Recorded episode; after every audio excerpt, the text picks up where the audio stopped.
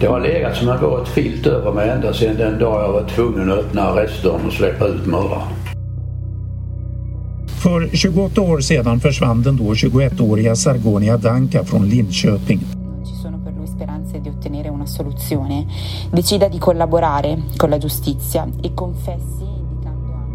Den här mannen var närmast sjukligt svartsjuk. Han kunde inte acceptera att Sargonia ville bryta förhållandet. Du lyssnar på Korrenpodden om fallet Sargonia Danka.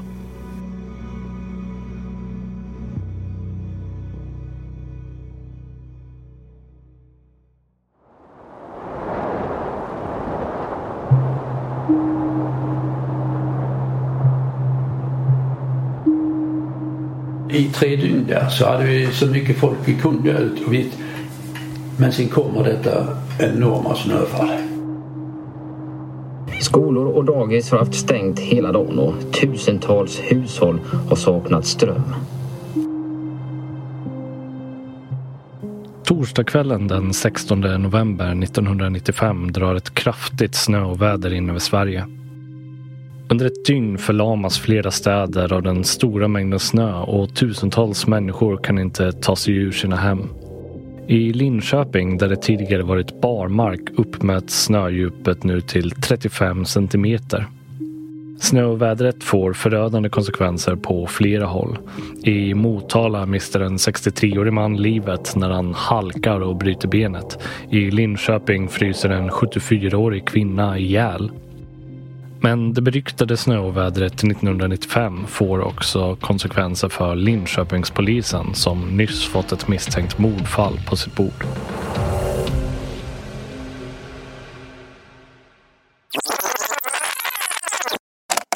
Vi backar bandet några dagar till den 13 november 1995 då polisen får in en anmälan om en försvunnen person.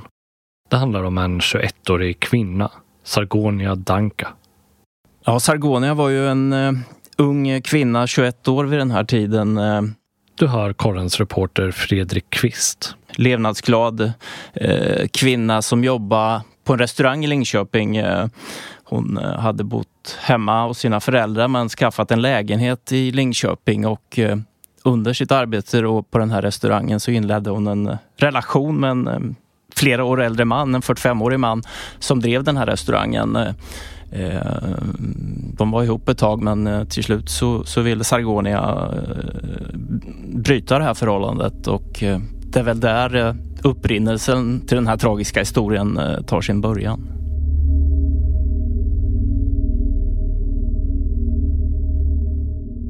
Det tar inte lång tid från det att anmälan kommit in till dess att polisen börjar misstänka att Sargonia inte försvunnit av egen fri vilja.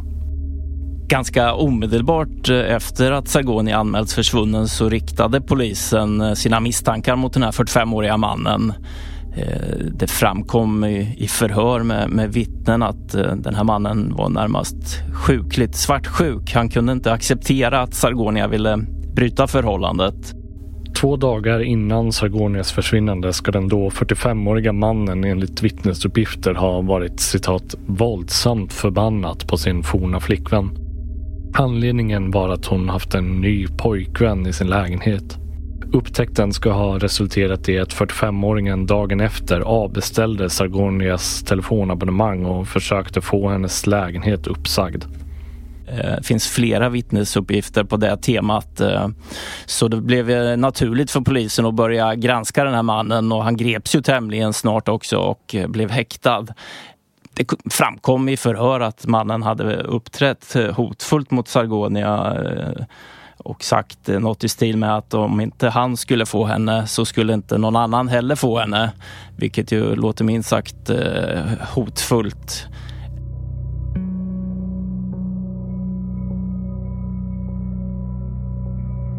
Så han grips då tämligen omgående och häktas av Linköpings tingsrätt.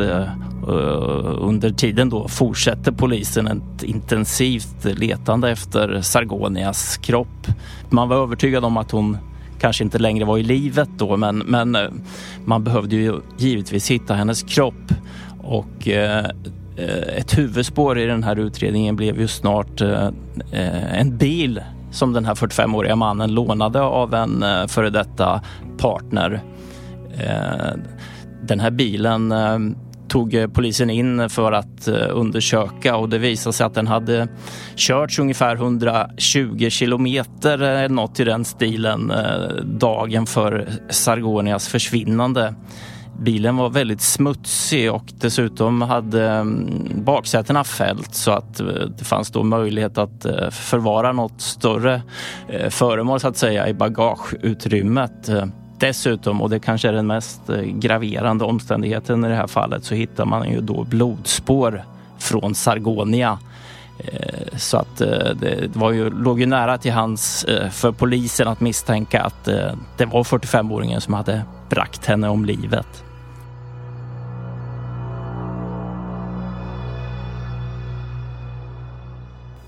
Vid den här tiden heter chefen för Linköpings kriminalpolis Hans Nilsson.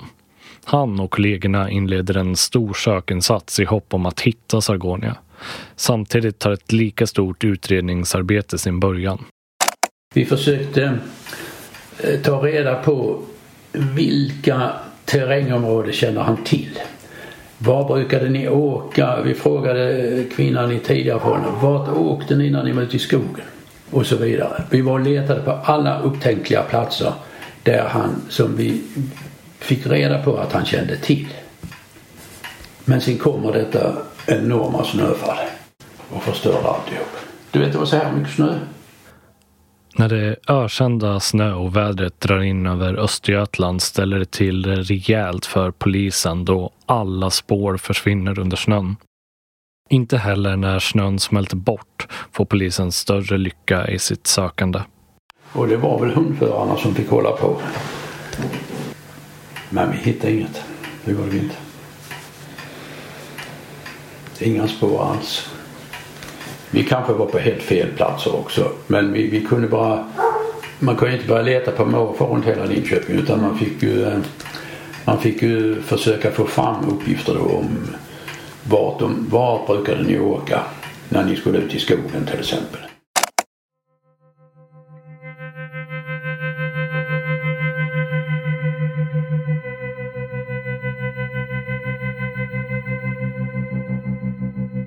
Sargonias kropp hittas aldrig.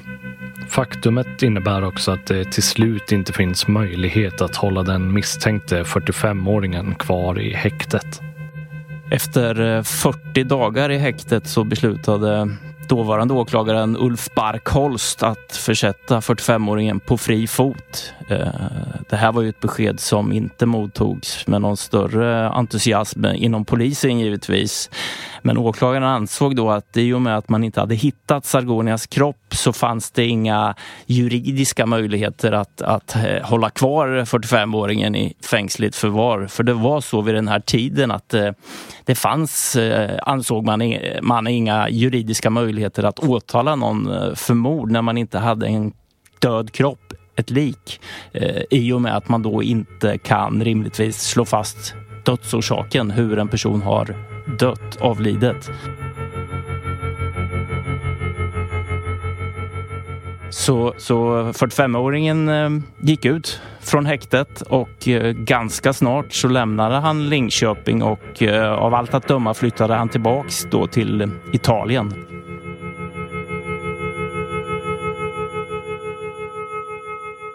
Åren går och det dyker inte upp några nya bevis i fallet med den försvunna Sargonia Danka.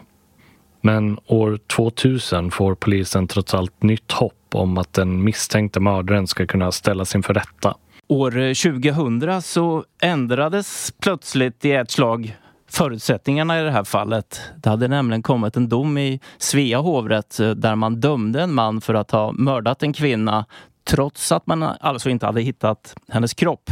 Det här väckte ju givetvis nytt hopp bland eh, Linköpingspoliserna. Eh, man börjar eh, vädra morgonluft här, en förhoppning om att till slut ändå kanske kunna ställa den här mannen inför rätta. Men någon åklagare kom ju aldrig till skott så att säga med att väcka ett åtal och åren fortsatte att gå något åtal väcktes inte som sagt. Varför inte då? Nu hade man ju en Svea hovrätt dom som man kunde luta sig mot. Liksom. Ja, det här är en intressant fråga. Eh, det intryck jag har fått är att det har funnits en viss motsättning här mellan polis och åklagare. Poliser har ju sagt uttryckligen i, i intervjuer i korren att de tro på en, en fällande dom vid ett åtal. Eh, men det är ju som sagt i Sverige så att det är åklagare som bestämmer om en person ska åtalas eller inte. Det är, det är åklagaren som har den eh, makten och åklagaren måste då Eh, som det heter, kunna e emotse en fällande dom för att väcka åtal. Och uppenbarligen har inte åklagaren ansett att det har funnits tillräckligt med bevis för att, för att eh, ställa den här mannen inför rätta.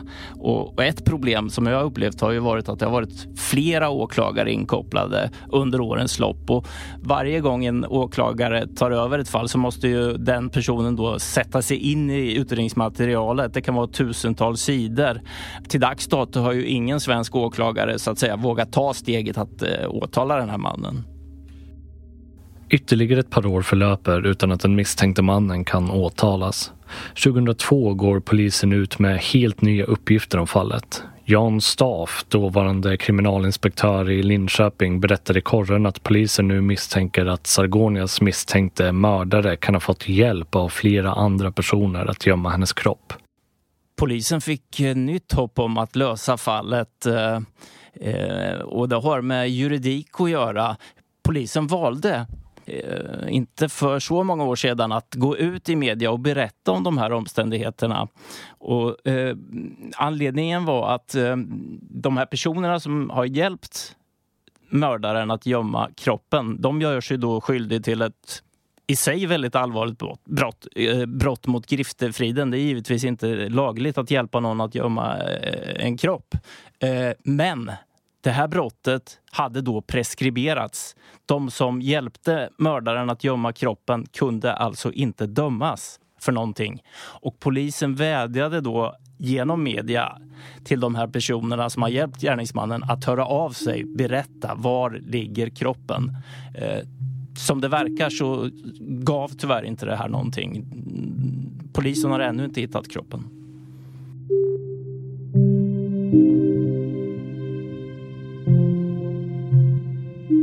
det var, det var ju speciellt med den här flickan. Men, eh, eh, och det är nog det som har eh, tagit mest av mig. Det, eh, att vi inte redde ut det.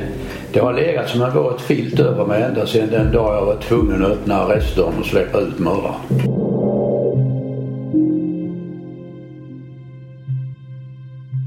Fallet om Sargonia Dankas försvinnande ser ut att förbli ouppklarat tills det plötsligt sker något helt oväntat.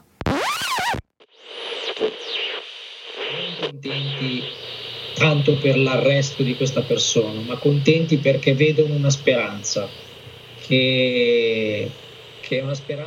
Lördagen den 17 juni 2023 faller nyheten ner som en bomb.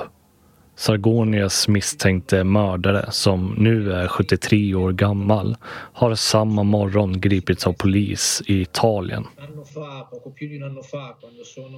För 28 år sedan försvann den då 21-åriga Sargonia Danka från Linköping.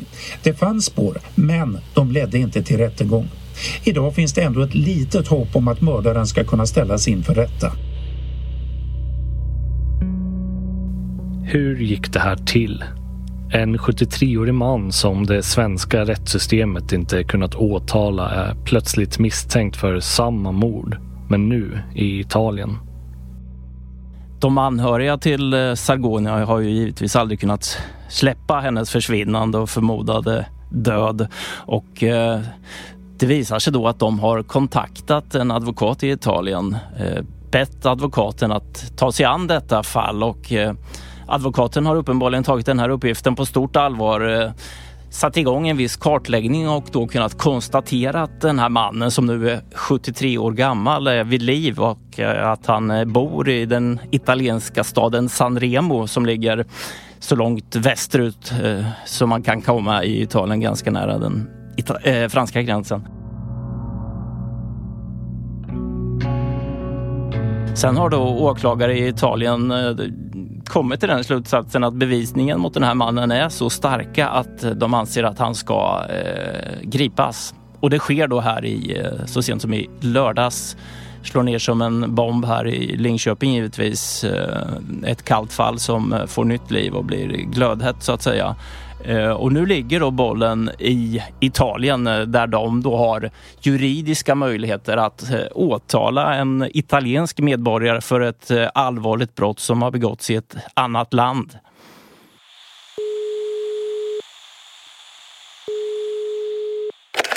Sicuramente in questo processo ci sono degli elementi di criticità e di difficoltà che dovranno essere affrontati. När korren kontaktar Elisa Mazzucelli, en av Sargonias familjs två advokater, säger hon att det finns delar i utredningen som inte är optimala. E eh, eh, Den mest kritiska faktorn handlar om att Sargonias kropp inte har hittats.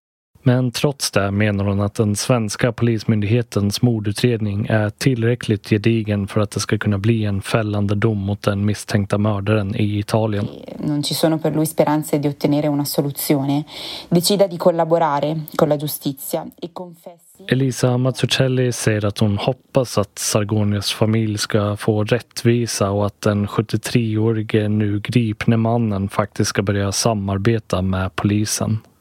I dagsläget har familjernas advokater inte tillgång till hela åklagarens material men bekräftar att den italienska polisen har genomfört ytterligare utredningsåtgärder i fallet.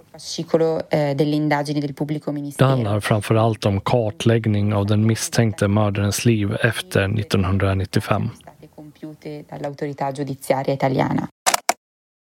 det eh, hölls ju en eh, motsvarighet till häktningsförhandling eh, här under tisdagen i Italien. Och i samband med det så fick flera italienska medier tillgång till ett juridiskt dokument där man kan säga att den, de italienska åklagarna listar alla omständigheter, alla indicier mot den här mannen och flera av de punkter som listas där är åtminstone inte för mig tidigare kända. Det handlar bland annat om att man ska ha hittat blod eh, från Sargonia på en jacka som den här 73-åriga mannen då vid tiden för brottet bar. Och sen är det en fråga då kanske hur olika rättssystem fungerar. I, I, Sverige vet vi att eh, beviskraven är väldigt högt ställda. För att få någon fälld i domstol krävs det ju att det är ställt bortom allt rimligt tvivel. Jag föreställer mig att även Ita Italien eh, är en, givetvis en utvecklad rättsstat med, med eh, höga, höga beviskrav. Men, men det ska ju bli väldigt intressant att följa den här processen och se, se om, om det här kan leda till en fällande dom så småningom. Alltså 28 år efter att den här 21-åriga kvinnan Sargonia Danka försvann från Linköping.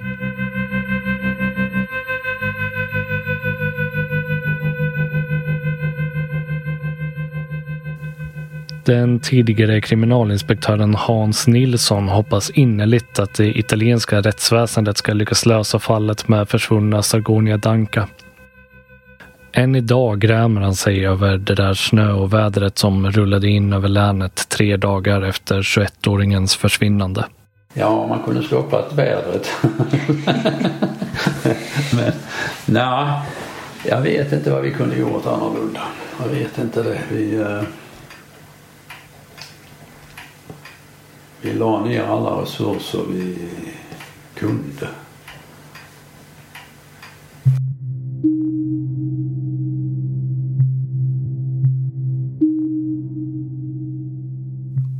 Du har hört Korrenpodden om mordet på Sargonia Danka. Producerad av mig, Albin Wiman. Reportrar i programmet var Fredrik Kvist och Jasmin Hübinette. Utöver Korrens egna inspelningar hördes även ljud från TV4 och SVT. Ansvarig utgivare är Christer Kustvik.